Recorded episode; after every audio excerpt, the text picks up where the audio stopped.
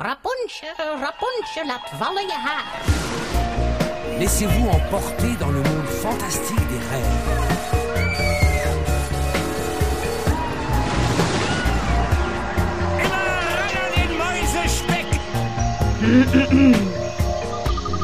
Het is weer ochtend in Pretparkland. Goedemorgen pretparkland en welkom bij je ochtendelijke pretpark-podcast. Mijn naam is Erwin Taats en Jelle Verelst en ik hebben het vandaag over Chiapas.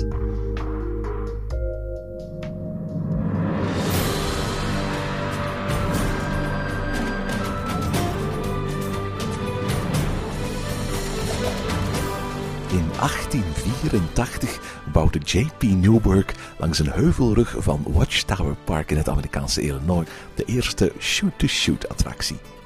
Het systeem was kinderlijk eenvoudig. Een boot met platte bodem werd zo'n 10 meter hoog de lucht ingetrokken over een houten schans met behulp van een katrol. Wanneer de boot op het hoogste punt gekomen was, werd de kabel waaraan hij hing losgemaakt en schoot het bootje met inzittenden en al naar omlaag, waar hij met een grote splash terecht kwam in de Rock River rivier. Een medewerker peddelde vervolgens het bootje terug naar de plaats waar het kon inhaken aan de kabel, waarop nieuwe bezoekers konden instappen voor een volgende rit. Het attractietype werd meteen enorm populair en overal in Amerika en later ook in Europa verschenen gelijkaardige attracties. Ze zouden de voorlopers worden van de huidige Spillwaters, zoals de Niagara in Bellewaarde en de Splash in Duineral. En nog later de moderne varianten als de Piet Piraat Super Splash in Plopsaland of de Atlantica Super Splash in Europa Park. In het begin moesten de shoot-shoots altijd achterwaarts omhoog getakeld worden en teruggepeddeld naar de start van het parcours. Carl Bacon van Arrow Development revolutioneerde het concept door met hydraulica ervoor te zorgen dat het bootje een natuurlijk rondje maakte nadat het eindpunt automatisch weer aan het startpunt van de volgende rit zou komen. In 1963 opende in Six Flags over Texas de El Aserradero, de eerste boomstammen wildwaterbaan van Arrow, waarin kleinere, dunnere boten van kunststof, behalve natte afdalingen, ook een turbulent en bochtig parcours in een watertrog konden afleggen. De rit werd daardoor niet alleen spectaculairder, de capaciteit ging ook drastisch omhoog. Elf jaar na de eerste boomstam wildwaterbaan in Six Flags over Texas in 1974 opende Phantasialand de eerste log flume van Duitsland en een van de allereerste van Europa. Deze verdween eind 2011 uit het park en vorige week opende dan eindelijk, na twee lange jaren bouwen, de opvolger Chiapas. Jelle en ik konden hem al doen en vandaag vertellen we wat wij van Chiapas vinden. Goedemorgen Jelle. Olé Erwin. en daarmee zijn we meteen aanbeland aan de plaats waar we het vandaag over zullen hebben. Hè? Ja, we gaan het niet hebben over Spanje, oh, maar wel over een plaats waar ze Spaans spreken. Ja, over Mexico. Eigenlijk meer bepaald over een deelstaat van Mexico. En dat is Chiapas. En als we Chiapas zeggen natuurlijk, dan zeggen we een attractie waar we eigenlijk al heel lang naar uit hebben zitten kijken. Hè? Ja, ik kan me herinneren dat ik vorig jaar nog een, eh, een bezoek aan Fantasieland met jou heb uitgesteld. Omdat we dachten van oké, we gaan wachten tot Chiapas open gaat in het, op het einde van de zomer. Oké, toch niet op het einde van de zomer. In de winter. Oh, dan ook niet. Ja, dan zullen we nog maar wachten tot volgend seizoen. Ja, oorspronkelijk aangekondigd voor seizoen 2013 in 2012. Stonewash Creek en Wildwash Creek, zo heten de, de oorspronkelijke wildwaterbanen van uh, Fantasialand. Uh, en de belofte was dat er iets nieuws ging komen, iets groots en buitengewoons. Uh, de, de, de, de, grootste wildwaterbaan van Europa met de stijlste drop ter wereld. Dat zou Chiapas worden. Maar toen we de foto's zagen, begin van het seizoen van, van vorig jaar, dan, dan, dan zag het eruit alsof ze er heel veel werk nog aan hadden. En, en ook al bleef Fantasieland erop na, op, op nadrukken dat, het, dat Chiapas wel later het seizoen zou opengaan. Uh, en, en zagen we inderdaad dat de, de, de, rotsen en het rotswerk en de attractie uh, uh, langzaam maar zeker aan de horizon van Fantasieland verscheen toch was het al duidelijk dat het, dat het zeker niet voor de eerste maanden van 2013 zou zijn. En op een bepaald moment kwam er ook het nieuws dat het uitgesteld zou worden naar, naar dit jaar. Ja, en uh, eigenlijk een, een beetje een unicum in Fantasieland was dat we eigenlijk heel snel wisten wat er ging komen. Want ik weet dat uh, Fantasia is een park dat eigenlijk heel goed verbergt en, heel goed verborgen kan houden wat ze gaan bouwen en hoe dat ze gaan bouwen en hoe het er gaan uitziet. En nu, het Chiapas, ja, misschien is het omdat het echt wel in het midden van hun park ligt, dat je gewoon niet naast kon kijken, uh, dat ze zo snel naar buiten zijn gekomen. Ja, en ook het eh, feit uit- uiteraard dat ze daar in het midden van het park twee wildwaterbanen hadden gesloten. Eh, ergens denk ik dat je als, als, als bezoeker toch wel kunt verwachten dat een, een park wat uitleg geeft waarom daar in het midden een grote bouwput komt en waarom daar twee grote attracties gesloten zijn. Eh, familie Luffelhart, dus de eigenaren van, eh, van staan er inderdaad niet bekend omdat ze heel veel dingen naar buiten brengen. En begin dit jaar werd een groot deel van het park met de grond gelijk gemaakt. Met name het, het, cowboygedeelte met, met ehm, eh, de zilvermijn en het eh, Mexicaans restaurant daar. Als je, als je nu in, in het park vooral dan op de parkeerplaats staat, dan, dan merk je daar een ontzettend grote ruimte die daar vrijgekomen is. Het zorgt ook voor allerlei infrastructurele problemen als je het park nu gaat bezoeken. Dus ik kan me voorstellen dat we wellicht sneller dan vroeger het geval zou geweest zijn, ook zullen te horen krijgen wat we in de toekomst daar op dat themagedeelte kunnen verwachten. Goed, maar we gaan het nu niet hebben over de toekomst van Fantasieland. We gaan het hebben over de, ja, de nieuwe attractie die is opengegaan op 1 april. Officieel is opengegaan op 1 april. En nee, dat is geen grap. Het stond ook zo letterlijk op de deur geschreven. Wij gaan terug openen op 1 april. Geen grap. En ja, een topbaan denk ik. Absoluut. Ja, de leukste wildwaterbaan. Ik, ik- ga het eventjes hebben over boomstammen wildwaterbanen. En niet over wildwaterbanen zoals de Splash Mountain en de, de, Disney parken. Die eigenlijk veel meer dark rides zijn dan eh, wildwaterbaan. Maar, maar ik denk, als je puur kijkt naar de boomstammen wildwaterbaan. Dat dit wel eens ja, de, de, leukste, tofste en spannendste wildwaterbaan is die ik ooit in mijn leven heb gedaan. Ja, inderdaad. En er staan heel veel heel toffe effecten in. Het is heel mooi aangekleed, vind ik. Eh, het heeft een heel leuk verhaal erachter. En ehm, het heeft ook een aantal verrassingseffecten. En die verrassingseffecten vind ik geweldig bijvoorbeeld. Hè. Eh, misschien dat we niet te veel moeten verraden, maar de drop achteruit is bijvoorbeeld subliem. Nu heb je natuurlijk wel heel veel verraden. Nee, ze denken niet. Ik denk dat we hebben verraden dat hij achteruit zit, maar dat zie je ook al in de wachtrij. Dat hij achteruit Klopt, ja. Maar buiten, de wachtrij niet, hè? Nee, buiten de wachtrij zie je het niet. Dus, allee, dat, dus geen, allee, dat, dat weet je sowieso. En dat die drop subliem is, eh, zegt niet veel. Hè. En natuurlijk de, de grote drop aan het einde, 53 graden, stijlste drop eh, ter wereld. Ik moet eerlijk zeggen, van toen, ik er, toen ik ervoor stond, had ik zoiets van wow. En letterlijk iedereen zie je over die, die, die top van die heuvel naar omlaag gaan en dan naar beneden kijken met een blik van wat is dit? En dan, dan, dan, dan het eerste wat je hoort is het gegil en geschreeuw. En, en dan dat bootje dat, dat, dat onder je door, want er is een brug gemaakt, dat on- onder je door zoeft naar het einde van de attractie. Wat een geweldige finale. Inderdaad. En, en ook die, ja, die bunny hub die er nog in zit. Hè, is heel uniek is in onze regio om een bunny hub eh, van, die, van dat formaat. We hebben wel vaak dat er een, een, een, ja, een splashje naar beneden even een, een hopje heeft. Dat, dat, dat bestaat wel. Maar hier gaat het echt terug omhoog en terug. Ja, en dan pas een splash. Dus dat is echt wel uniek en, en schitterend. Je zei het net al, er is een heel mooi verhaal achter de attractie. Heel kort komt het hierop neer. Als we Chiapas uh, uh, binnengaan, eigenlijk de, grote omgeving, want Chiapas voor alle duidelijkheid is gebouwd in het bestaande Mexicaanse gedeelte, uh, waar je al de ijsschaatshow had, waar je al Talocan had.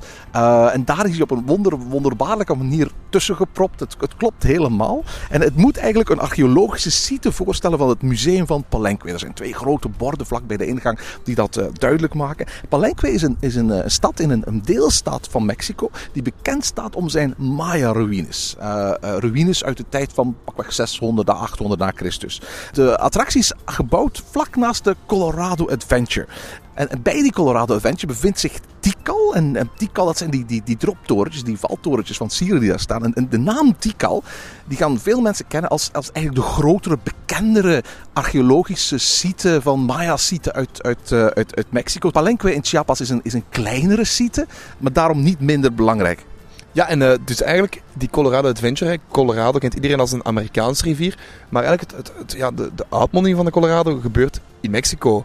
Dus is dat eigenlijk wel op een wonderbaarlijke manier eigenlijk al mee in het thema van Mexico gestoken. En, is dat eigenlijk ja, die Colorado Adventure een beetje cowboy nog, maar eigenlijk ook al een heel groot deel Mexicaans om, om toch maar in dat thema te passen. Ja, ze, hoeven de naam eigenlijk niet te veranderen. Het is uiteraard, Chiapas ligt in het zuidoosten van Mexico. De Colorado loopt ergens bovenaan in Mexico, uh, in een mondingsgebied uit. Dus, dus, dus in dat opzicht zijn is het geografisch wel een beetje thematisch bij de haren getrokken. Maar laten we heel eerlijk zijn, het, het, het past wonderwel. Nu eventjes terug naar, naar dat Maya-verleden. Voor de komst van de Europeanen was Chiapas het, het hart van de Maya-beschaving. En Palenque onder de Mayas ontwikkelde zich als de, de machtigste stadstaat van het hele Maya-gebied. De bevolking die op dit moment in, in uh, uh, Chiapas leeft, is heel erg katholiek. Het zijn vooral uh, boeren en, en, landbewerkers en zo.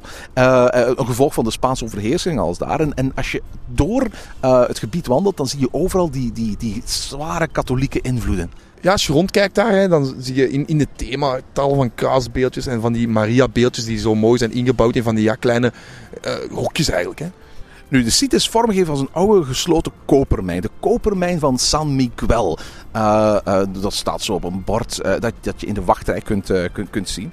waar dus een waterloop stroomt om het gewonnen kopererts van het hogere naar het lagere gebied te brengen. Palenque betekent in de taal van de Maya's oorspronkelijk het grote water. En wie door dat themagebied wandelt, die merkt meteen waarom dat zo is. Hè? Ja, want overal als je kijkt in, in dat themagebied zie je echt enorm veel watervallen. Je ziet uh, zijriviertjes, je ziet uh, bekkens, uh, ja, kleine meertjes en, en stromingen. Dus overal is er wel ergens met water en dat hoor je ook als je daar bent. Je hoort continu het geruis van watervallen die ja, neerkletteren eigenlijk. Voilà, boven alles storend de tempel van de zon, van waar je prachtig beeld hebt. Je kunt daar naartoe wandelen over het hele gebied. Ja, dan zie je van daarboven. En het was ook een heel mooi uitzichtpuntje op, op uh, Talokan, vind ik uh, zelf. Heel schitterend. En ja, die tempel, zelfs daar kan water afstromen. Hè, af die tempel, dus heel mooi gedaan. Er is een nieuwe tapasbar in het gebied, eigenlijk vlak aan de achterzijde van, uh, van Talocan gebouwd, de Cocorico. Genoemd naar uh, een, uh, een hele populaire kokosdrank, die vooral in die streken heel erg populair is. En er is het Takana restaurant. En, en jij als aardrijkskundige Jelle, Takana, wat zegt je dat? Ja, dat is een vulkaan in, in, in, Chiapas, hè, in, in het themagebied van Mexico. En heel leuk vind ik aan dat, aan, aan dat restaurant, is dat ja, je krijgt daar boven eigenlijk, kan je eten gaan halen, maar dan heb je daar een verdieping lager, kan je dan gaan eten eigenlijk. Hè heel veel tafels en zover nog. En ook een aantal hangmatten. En ik vind het eigenlijk heel gezellig om daar even in te gaan liggen in die hangmatten. En eh, rustig even ja, tot rust te komen. Uh, de wachtrij, ik vond ze geweldig. Jij was daar niet zo dol op, hè? Nee, ik ben er niet zo dol op. Uh, ik vond het eerst en vooral, ik, ik vond eigenlijk het, het kletteren van het water. Ik snap dat het binnen het thema past, maar ik vond het eigenlijk ik, ik heb meteen gedacht, ik heb er niet gestaan, maar als ik in dat eerste stuk zou heel lang moeten wachten, zou ik dat heel irritant vinden. Want dat water maakt echt wel een, een helslawaai daar. Het is overal rondom je wordt komen watervallen neer die heel veel lawaai maken. Uh, we zouden bijvoorbeeld geen oip kunnen opnemen, want het zou veel te veel naar ruis lijken.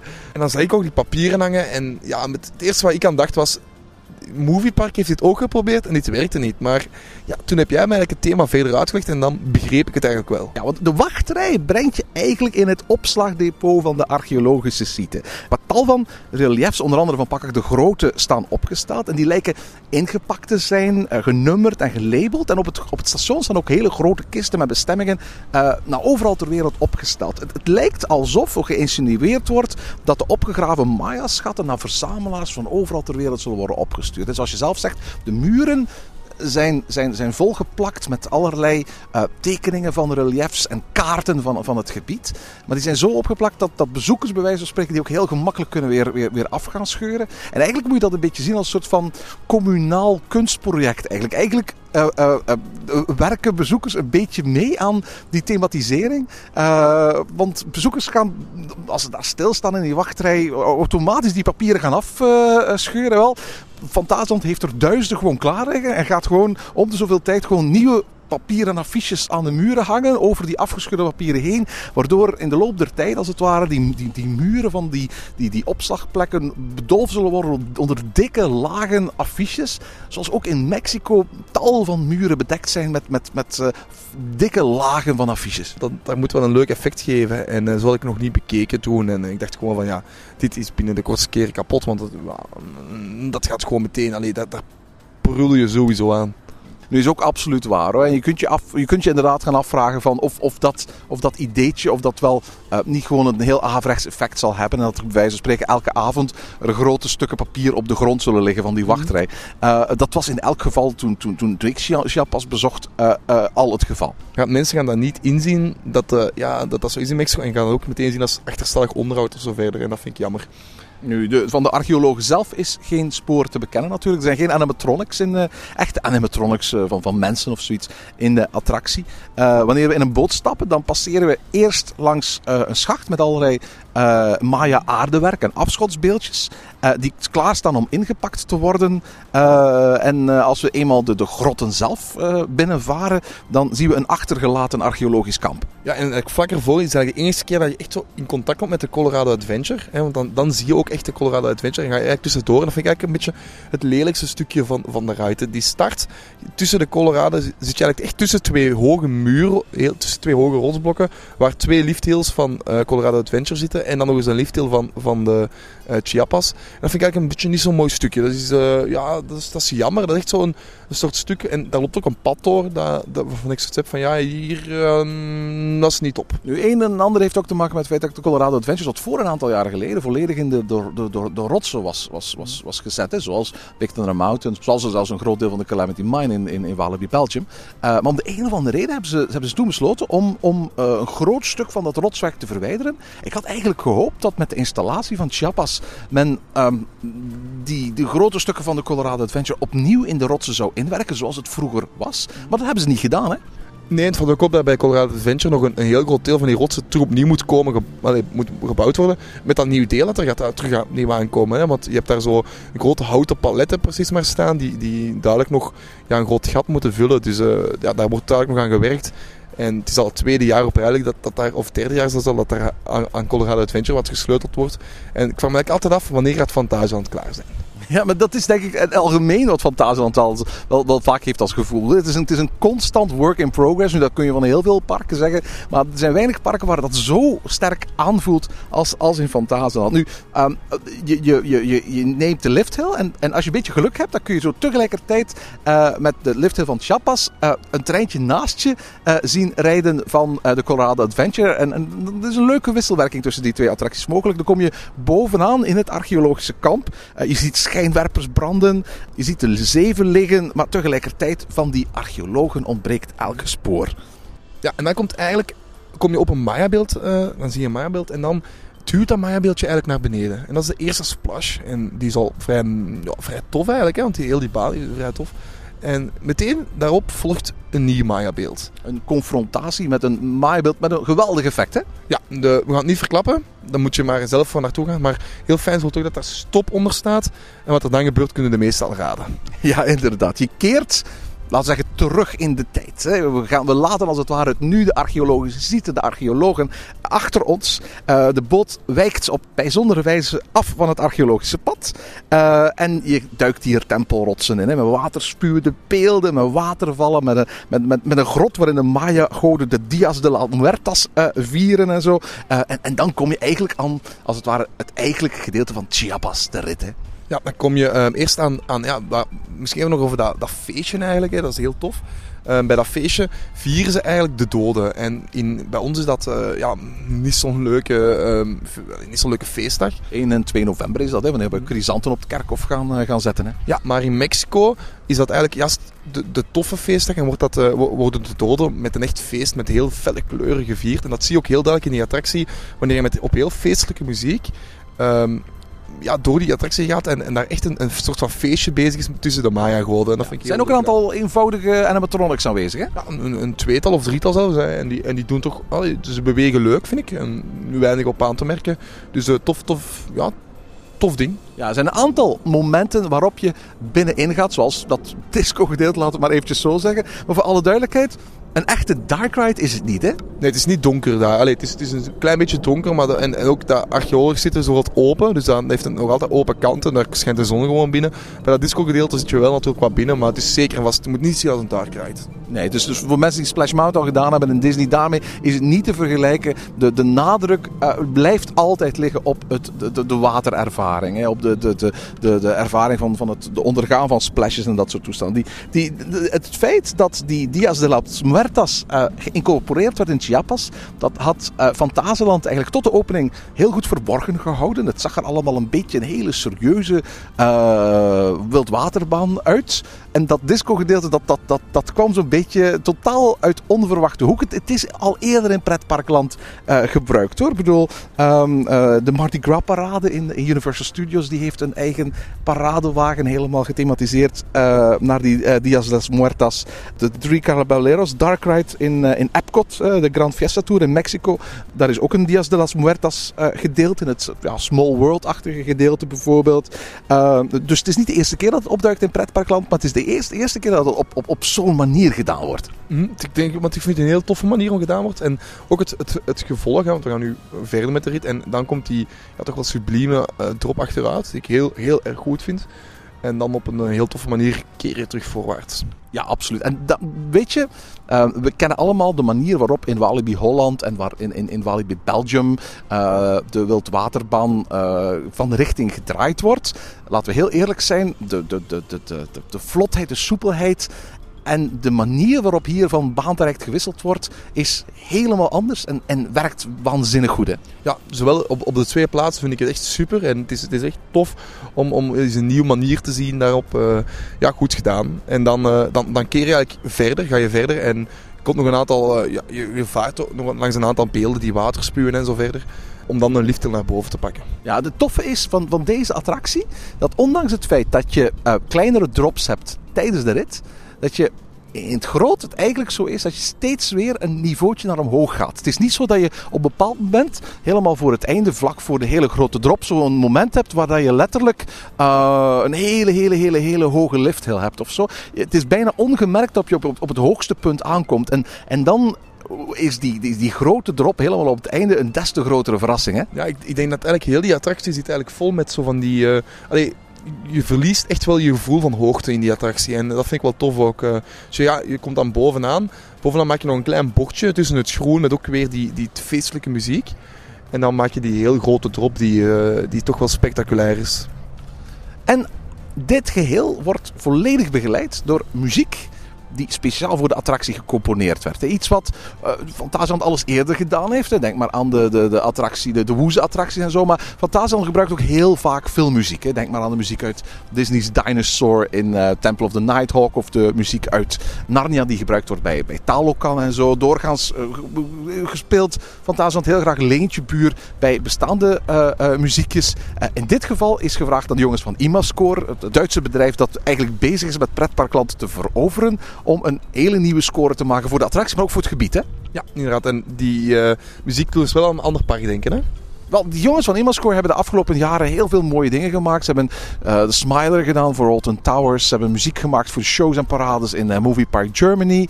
Uh, ze hebben Blue Fire gedaan voor de, de ritmuziek in Europa Park. Maar het bekendste is natuurlijk geworden door de enorme hoeveelheid muziek die ze gecomponeerd hebben voor de Magische Vallei in Toverland. Ja, en daar lijkt de muziek eigenlijk heel hard op. Hè. Dus op, op de muziek van de Maïs Vallei, dat, dat herken je echt wel in die muziek van Chiapas. En uh, ik vind de muziek van Chiapas eigenlijk ook heel, heel hard op elkaar lijken. Alle delen lijken echt heel hard op elkaar. Ik moet zeggen, van, wat het voor heeft op de muziek van uh, uh, de Magische Vallei is dat dit orkestrale muziek is. Uh, waar de Magische Vallei voor een heel groot stuk elektronische muziek is, dat dan synthesizer muziek is, is het zo dat deze muziek volledig opgenomen is door een orkest in Budapest. En dat, dat merk je wel. Zeker als je naar de CD luistert, et cetera. De, de, de, de, de geluidskwaliteit is, is, is enorm goed.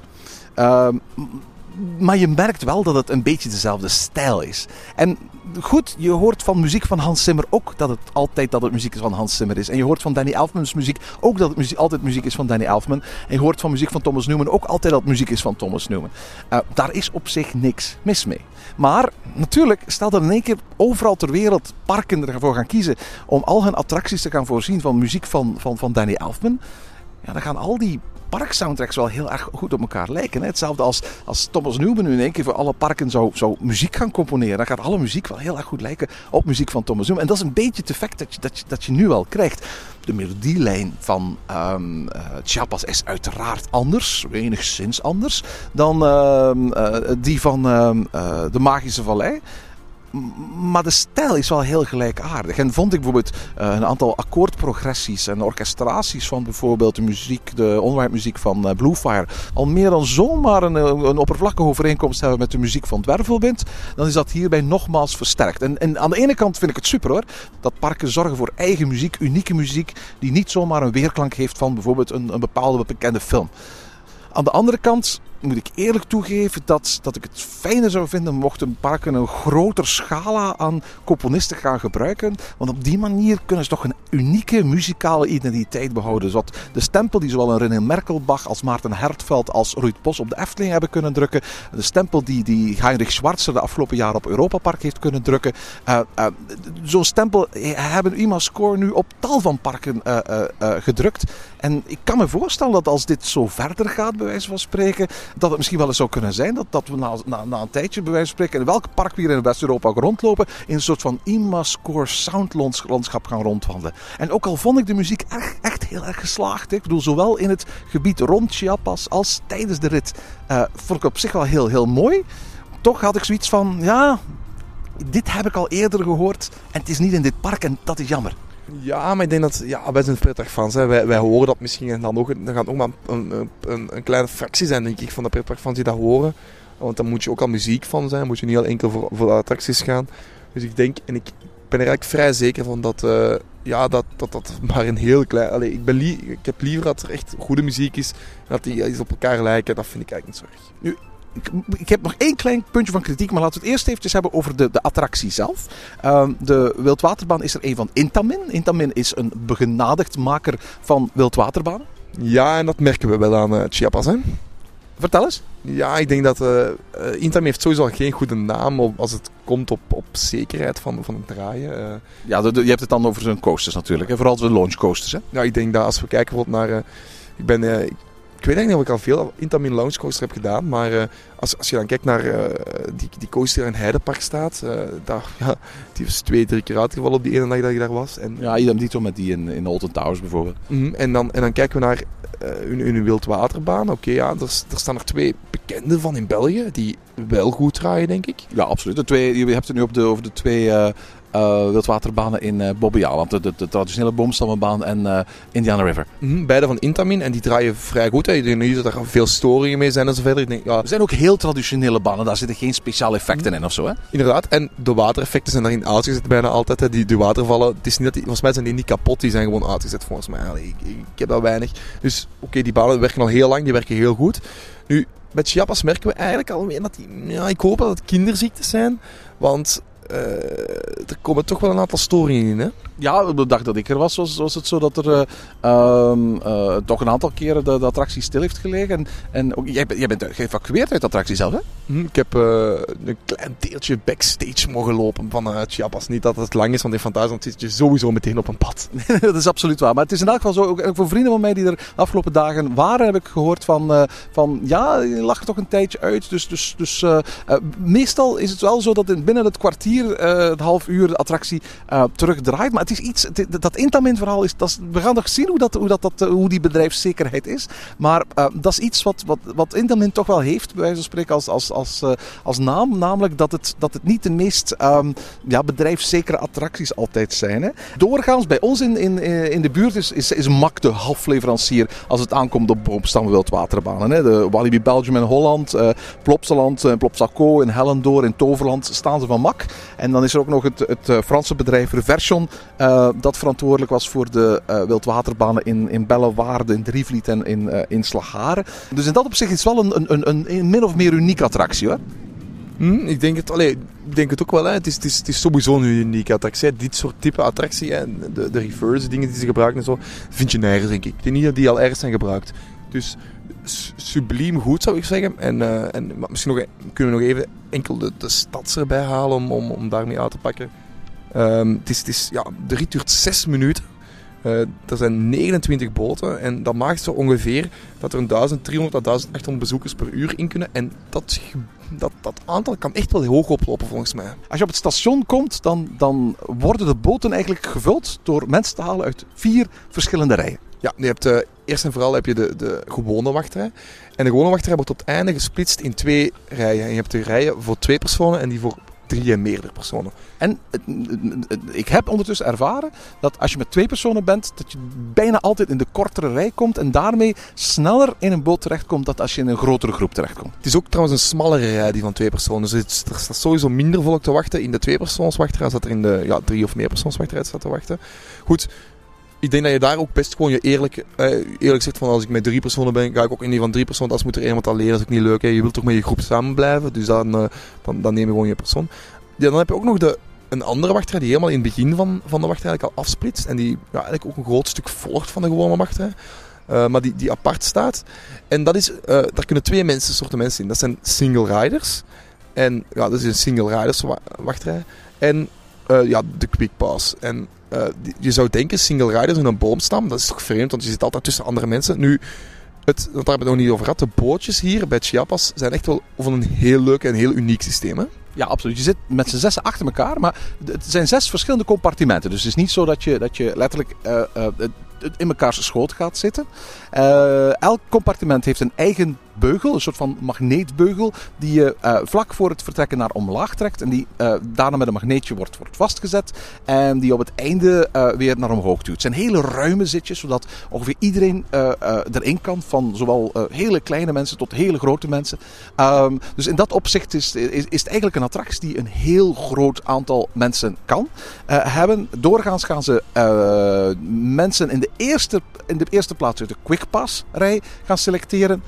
Die hebben altijd voorrang. Daarna gaan ze gelijkig uh, mensen uit de, de meerpersoonsrij nemen en uit de tweepersoonsrij nemen. Op die manier een, een, de boot zo goed mogelijk te vullen. Zijn er dan nog plaatsen over, dan gaat men naar de Single Riders Line. En we hebben uh, de Single Riders Line geprobeerd op het moment dat er 25 minuten wachtrij stond bij Chiapas. En we hebben het getimed. Via de Single Riders Line zijn we er geslaagd om binnen de 11 minuten alle twee in een, in, een, in een boot terecht te komen. Dus met andere woorden, dat was echt een, een aanzienlijk voordeel dat we daar gehad hebben door die Single Riders Te gaan kiezen. Dus met andere woorden ook een heel degelijk werkende uh, baan. Sowieso, het systeem werkt fantastisch goed. De manier waarop je voorgesorteerd wordt en in de boten wordt neergezet, zorgt er echt wel voor dat de, de maximumcapaciteit van die attractie gehaald wordt. Er, er vertrekt letterlijk geen boot met een lege plek.